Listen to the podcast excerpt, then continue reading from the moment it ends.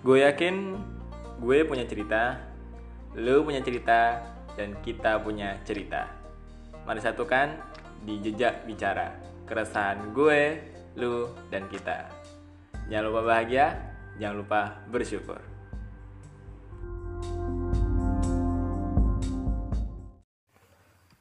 Assalamualaikum warahmatullahi wabarakatuh Kembali lagi di podcast Sejak Bicara Keresahan gue, lu, dan kita Oke teman-teman, sebelumnya saya minta mo mohon maaf lahir batin Kepada para pendengar. Ya masih ya karena masih suasana lebaran ya teman-teman Walaupun sudah lewat seminggu. Apabila di segmen-segmen sebelumnya di podcast Jejak Bicara Saya ada salah kata yang buat para pendengar tersinggung dan sebagainya Saya mohon maaf. Sebesar-besarnya Semoga teman-teman memaafkan saya. Amin, amin, ya robbal alamin. Baik teman-teman, hari ini kita akan membahas tentang tanda kutip nikah. Oke. Pembahasan ini terkhusus bagi yang belum nikah ya. Jadi kan ya saya sendiri kan belum nikah ya. Jadi nggak pantas dong kita bahas yang udah nikah ini. Mungkin bisa dibilang sebelum menikah gitu ya. Lu kira nikah tuh kayak beli goreng pisang?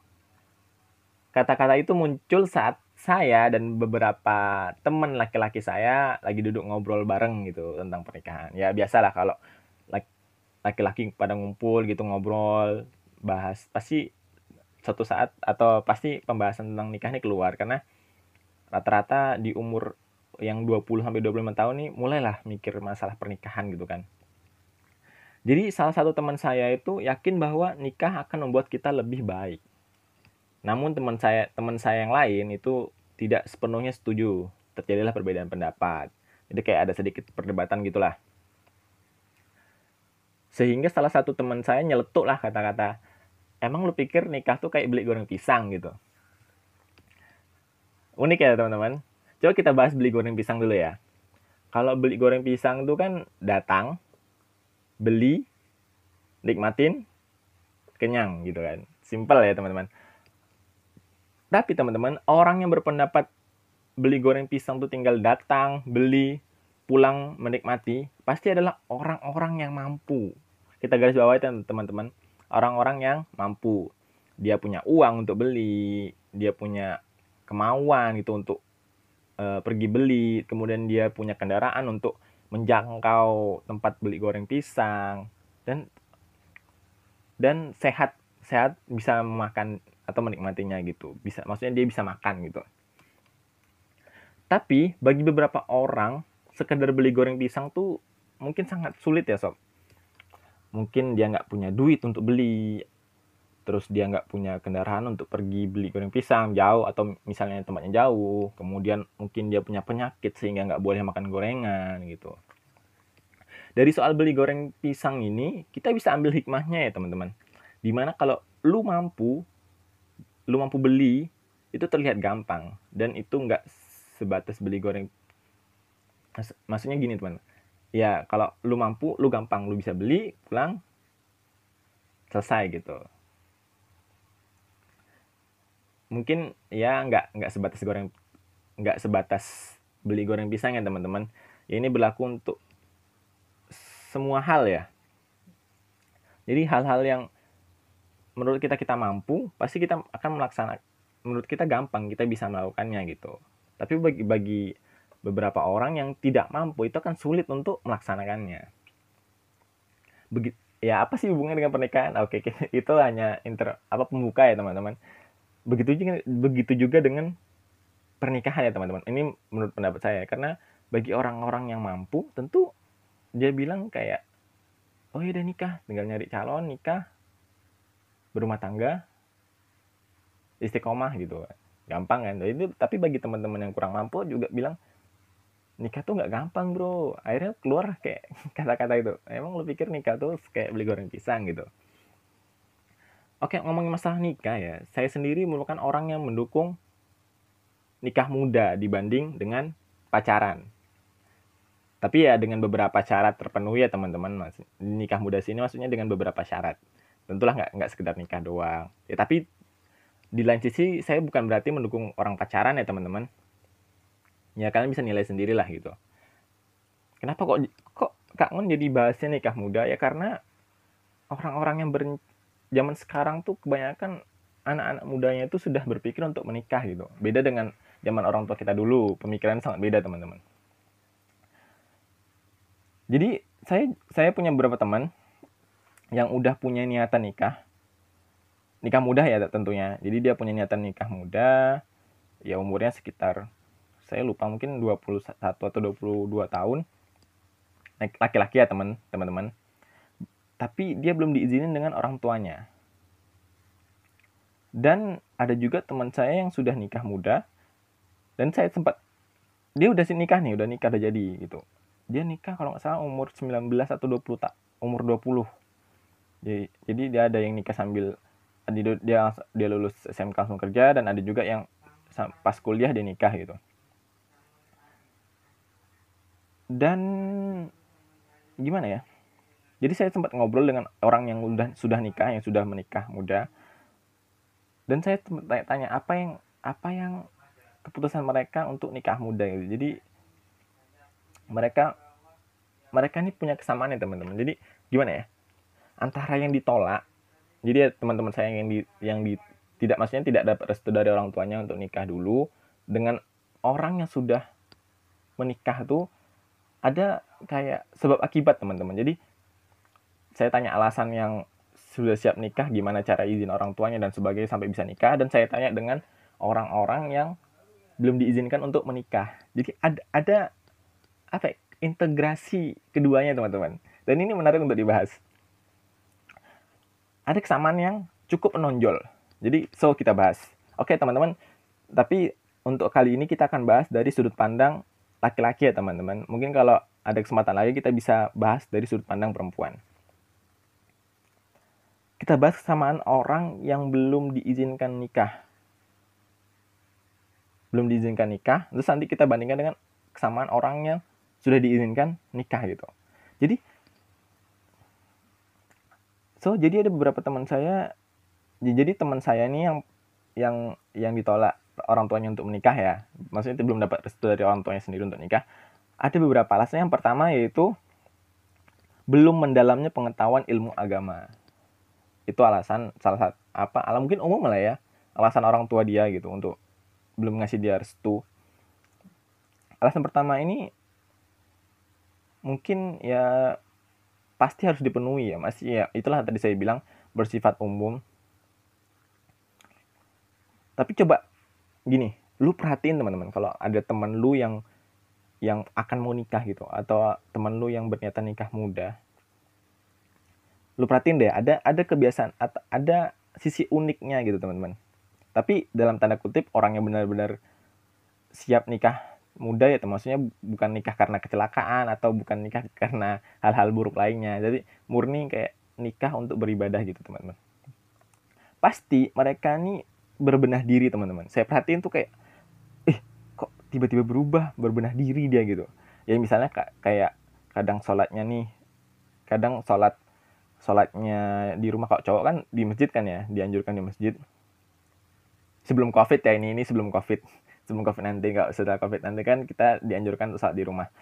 Jadi laki-laki ini yang eh, si cowok nih yang tadinya jarang ke masjid sering sering sholat di rumah gitu tiba-tiba sering ke masjid sholat tepat waktu. Yang tadinya orang biasa-biasa aja gitu tiba-tiba sering ikut kajian keagamaan sana sini ngajak teman-temannya gitu kan. Kenapa hal ini bisa terjadi teman-teman? Ya karena si cowok ini mau membuktikan kepada orang tuanya bahwa dia serius untuk menikah. Dan salah satu cara membuktikannya itu dengan memperdalam ilmu agama teman-teman bagus bagus. Itulah apa ya bagus ya teman-teman. Dia mau berubah dia ada kemauan untuk berubah. Tapi teman-teman hal ini jangan disalahgunakan. Maksud disalahgunakan tuh gini teman-teman berubah teman-teman teman-teman lu berubah lebih baik kalau bisa jangan karena ingin menikah doang atau karena alasan tertentu yang tanda kutip dalam urusan dunia ya teman-teman Iya kalau habis nikah lu bisa istiqomah tetap tetap apa beribadah dan sebagainya. Tapi kalau lu berubah untuk pencitraan doang cuman untuk ya apa dapat restu atau bisa tertar menarik perhatian pasangannya pasangan lu calon lu gitu kan yakinlah lama kelamaan pasti akan kebuka juga sifat asli gitu. Yang mungkin akan menimbulkan masalah di kemudian hari gitu teman-teman. Kan kalau teman-teman cari sendiri banyak kasus-kasus yang setelah sebelum nikah oh dia baik ini setelah nikah. Oh, kok cerai? Iya dia kurang baik lah kurang ini kurang itu gitu. Jadi itulah kalau misalnya salah satu efek dari pencitraan atau hanya baik hal-hal baik aja yang gitu yang kita terlihatkan dan akan menimbulkan masalah di kemudian hari. Jadi alangkah lebih baiknya kalau lu berubah atau lu hijrah gitu ya. Niat karena Allah Subhanahu Wa Taala untuk mempersiapkan bekal di akhirat kelak gitu. Nggak usah lah mikir nikah nggak usah lah mikir apa aduh kalau aku nggak sholat dia nggak suka. Jangan coba untuk diri sendiri dulu gitu. Jadi pas kuliah kan saya sempat uh, di asrama. Jadi ustadz salah satu ustadz di asrama saya tuh dulu pernah bilang sebelum nikah coba ikutin seminar pranikah dulu atau kalau lu nggak mau ya seminar pranikah itu biasa bayar ya teman-teman. Saya nggak tahu karena saya nggak tahu berapa biayanya. Cuman waktu itu saya pernah ikut yang gratis. Jadi ada pernah gratis gitu kan. Jadi atau kalau lu nggak mau ngeluarin modal sama sekali ikut kajian seminar pranikah gitu lu bisa cari kajian pranikah di YouTube. Banyak teman banyak. Supaya pikiran kita tuh lebih luas, lebih matang sebelum kita menikah gitu. Asal tidak ada kemudian supaya tidak ada penyesalan di kemudian hari. Setidaknya tuh lu tahu apa untuk menikah setidaknya tuh lu tahu untuk menikah tuh hal-hal apa saja yang harus lu siapkan dari sudut pandang agama agama pastinya ya kayak ilmu fikihnya gimana gitu jadi yang pertama nih alasan teman-teman saya yang ditolak dengan orang tuanya untuk untuk izin nikah tuh karena ilmu agamanya belum dalam. Kemudian saya saya hubungkan dengan orang-orang yang sudah menikah teman-teman. Jadi teman-teman saya yang sudah menikah nikah muda gitu kan. Dan benar teman-teman. Jadi kayak jadi teman saya yang sudah menikah ini masya Allah ya ilmu pengetahuannya khususnya dalam dalam bidang agama tuh sudah saya bilang lebih dari standar malahan udah ya menurut penilaian saya malah uh, dia ini termasuk orang-orang yang soleh gitu ke masjid sholat tuh udah tepat waktu teman-teman ke masjid. Masya allah tepat waktu banget. Jadi kalau saya ngobrol dengan dia tuh pasti selalu ngajak sholat gitu tetap. Azan langsung. Nggak peduli apa apa teman lagi kuliah pun azan langsung sholat. Jadi dia izin izin ke dosen gitu kan pak izin sholat saya mau sholat gitu. Terus terang tuh teman-teman. Bahkan saat lagi ujian jadi lu lagi uas gitu kan azan gitu dia bakalan cari cara untuk mengutamakan sholat gitu. Saat lagi rapat mahasiswa. Dan dia langsung sholat. Sampai dia tuh kemarin kalau keluarin kata-kata yang saya saya ingat. Kalau saya gini gini. Allah dulu Allah lagi Allah terus. Gitu teman-teman. Jadi dia masya Allah ya. Dia nih selalu mengutamakan akhirat dulu ibadah. Pokoknya dunia selalu ditinggalkan jadi saya nggak heran kalau dia nikah muda ya ya pasti sudah siap dalam ilmu agama. Jadi itulah teman-teman. Salah satu salah satu alasannya ya jadi ilmu agama. Kemudian itu yang pertama teman-teman ilmu agama. Yang kedua yaitu ekonomi. Masalah ekonomi. Jadi saya diskusi lagi dengan teman-teman yang di di tidak nggak dapat restu dari orang tuanya sendiri untuk nikah gitu kan dan salah apa? Alasannya yang yang kedua tuh masalah ekonomi teman-teman. Jadi orang tua laki-laki itu ya biasanya nggak akan mengizinkan anaknya menikah sebelum anaknya mandiri secara ekonomi teman-teman. Dan saya paling kesel dengan orang yang menggambarkan masalah ekonomi sebelum menikah dengan mengatakan ya nanti kalau udah nikah ya beda lah aku bakalan usaha atau cari kerja ya itu itu itu, itu kewajiban itu pasti pasti teman-teman. Tapi gini teman-teman. Kita saya ajak berpikir. Lu nggak sepenuhnya salah. I, tapi iya kalau lu emang benar-benar bisa menafkahi istri lu kelak setelah nikah. Kalau ternyata nggak sesuai dengan apa yang lu bayangkan gimana? Apalagi di zaman sekarang nih untuk membuka usaha dari nol bahkan untuk mencari kerja saja sulit gitu. Setidaknya gini teman-teman coba ke diri lu sendiri dulu. Bisa nggak? Lu nggak bergantung dulu sama orang tua lu sama sekali gitu. Masa dari masalah ekonomi gitu. Mengenai keuangan kalau lu udah bisa setidaknya lu punya pengalaman ke diri sendiri. Sebelum menghidupi orang lain yang akan menjadi istri lu kelak. Biasa paham ya?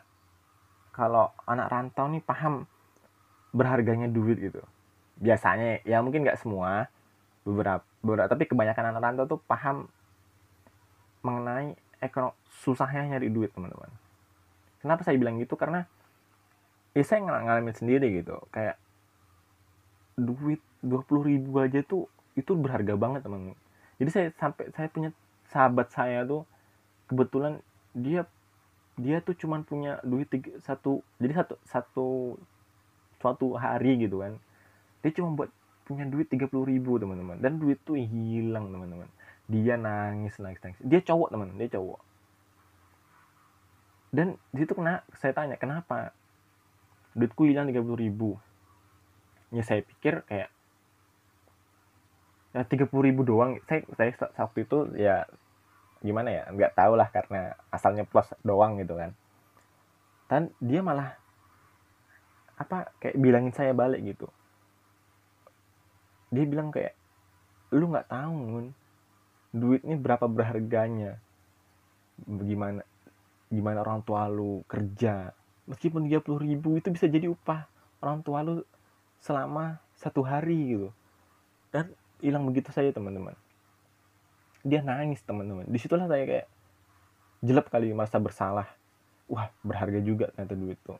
Sampai di suatu hari saya ngalami sendiri. Saya saya kehilangan duit sebesar 500 ribu teman-teman. Dan itu apalagi itu bukan duit saya ada di situ dan duit teman-teman saya di situ dan saya harus menggantikan duit sebesar 500 ribu. Wah itu saya sedon sedon donnya gitu. Dan duit itu harus ada hari itu juga karena itu kayak batas pembayaran pembayaran gitu. Jadi itulah penting penting juga itu ekonomi teman-teman. Menghargai karena orang yang bisa menghargai sesuatu pasti orang tuh tahu kalau artis sebuah kehilangan teman-teman.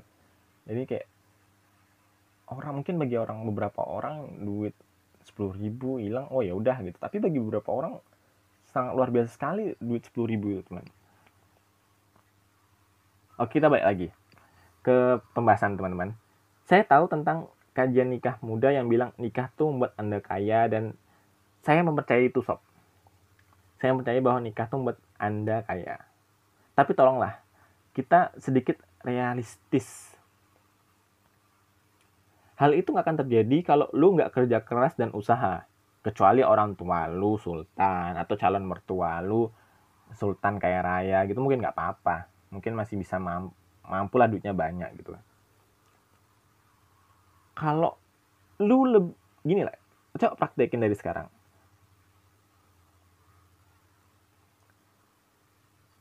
orang tua kalau orang tua lu kaya oke okay lah bisa minta kaya ya sultan gitu ya.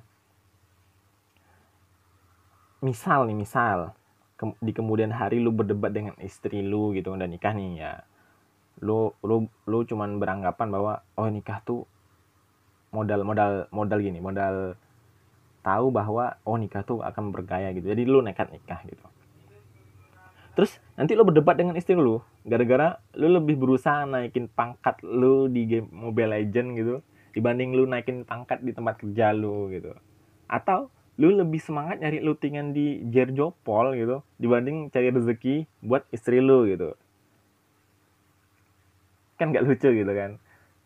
Dan lu tahu kayak kasus-kasus banyak kasus-kasus yang suami istri cerai gara-gara suami sering main game online gitu teman-teman. Ya itu salah satu alasannya. Jadi itu dua dua alasan terbesar gitu, bagi bagi laki-laki ya teman-teman. Lu buat lu mungkin bis yang lu buat nih yang lu berencana buat minta restu orang tua dua hal dua hal inilah yang saya, setelah saya tanya dua hal inilah yang menonjol. Yaitu pertama eh, pengetahuan agama dan kedua masalah ekonomi teman-teman itu kesimpulan yang saya dapat dari setelah duduk ngobrol dengan beberapa teman saya yang lain. Ini dari sudut pandang laki-laki ya teman-teman. Tapi ya teman-teman ada satu syarat lagi yang menurut saya penting tapi sering dianggap sepele oleh kebanyakan orang. Dan ini mungkin hanya beberapa orang aja yang sadar gitu. Jadi kayak satu banding dua satu banding tiga orang gitu. Muncullah syarat yang syarat ketiga nih bisa dibilang penting tapi sering disemelekan gitu. Yaitu kesiapan fisik dan mental teman-teman. Jangan lu pengen nikah gara-gara lu udah gara-gara temen lu udah pada nikah doang gitu. Padahal cara kesiapan fisik dan mental lu belum mampu. Apalagi kalau mentalnya teman-teman karena karena mental mentalnya lebih penting. Gini lah kayak kalau mental lu siap pasti otomatis fisik lu ikut siap gitu kan. Misal kayak lu main bola gitu. Dalam dalam mental lu wah main bola tentu fisik lu akan akan ngikutin mental dalam diri lu kayak lu adu body gitu kan karena mental lu siap gitu. Kesiapan mental nih cukup luas ya teman-teman. Tapi coba kita ambil contoh yang nggak jauh-jauh aja lah contoh sederhana aja. Bagaimana mental orang yang memang sudah menikah dengan cara melihat orang tua kita. Jadi lu bisa lihat mental-mental orang tua, ya orang-orang yang udah menikah dengan cara melihat mental orang tua lu gitu. Jadi kayak siap nggak lu misal nanti apa-apa istri lu sering minta tolong gitu, lu pulang kerja lagi capek terus istri lu minta tolong lu, minta tolong ke lu gitu kan. Ya kayak ibu lu yang sering minta tolong ke ayah lu gitu lah kira-kira. Gimana siap? atau jangan-jangan lu malah marah-marah nanti kan nah, atau kalau udah punya anak siap nggak lu tengah malam lu bangun gantian sama istri jaga anak lu gitu. Layaknya ayah lu yang sering dibang dibangunin tengah malam sama sama ibu lu untuk gantian jagain adik lu yang masih bayi gitu. Ya mungkin contoh lain masih banyak lagi teman-teman. Kalian bisa memperhatikan orang tua kalian sendiri masing-masing lah ya. Terlihat mudah teman-teman. Mudah dikatakan. Tapi bagaimana kalau oke okay lah kalau misalnya sehari lu bilang oh bisa siap. Tapi gimana kalau kejadian itu berulang setiap hari teman-teman? Karena kalau lu udah nikah tuh kan kayak apa-apa. Kehidupan lu 24 jam sebulan setahun bakal berhubungan dengan istri lu maksudnya. Maksudnya bakal satu rumah dengan istri lu gitu. Tiap hari terjadi situ. Pasti kalau nggak siap mental lu bakal stres. Itulah kenapa banyak laki-laki yang yang kok kalau lu nengok acara TV kayak 86 gitu kan banyak orang mabuk-mabuk keluar. Itu karena apa? Karena mereka di rumah stres gitu nggak kuat mentalnya nggak kuat makanya dia keluar dari kesenangan baru gitu teman-teman. Oke mungkin cukup untuk hari ini ya diskusinya teman-teman. Jadi itu ada tiga kesimpulan hari ini. Yang pertama sebelum lo nikah uh, usahakan ilmu agamamu lu disiapin. Siapin ilmu agama sesiap mungkin gitu. Ya nggak sebatas nih ilmu tentang nikah aja teman-teman. Sempat ilmu-ilmu yang lain gitu lah. Kemudian yang kedua ekonomi. Siapkan masalah ekonomi secara mandiri gitu. Dan yang ketiga siapan fisik dan mental. Oke teman-teman. Itu itu kita bahas dari sudut pandang laki-laki untuk minta restu orang tuanya ya teman-teman. Mungkin di lain kesempatan kita ngebahas dari sudut pandang yang lain. Mungkin dari sudut pandang perempuan atau dari sudut pandang apa orang-orang yang sudah nikah dan sebagainya teman-teman. Oke saya mohon maaf atas segala kesalahan yang disengaja maupun tidak sengaja. Semoga bermanfaat. Wassalamualaikum warahmatullahi wabarakatuh. Jangan lupa bahagia jangan lupa bersyukur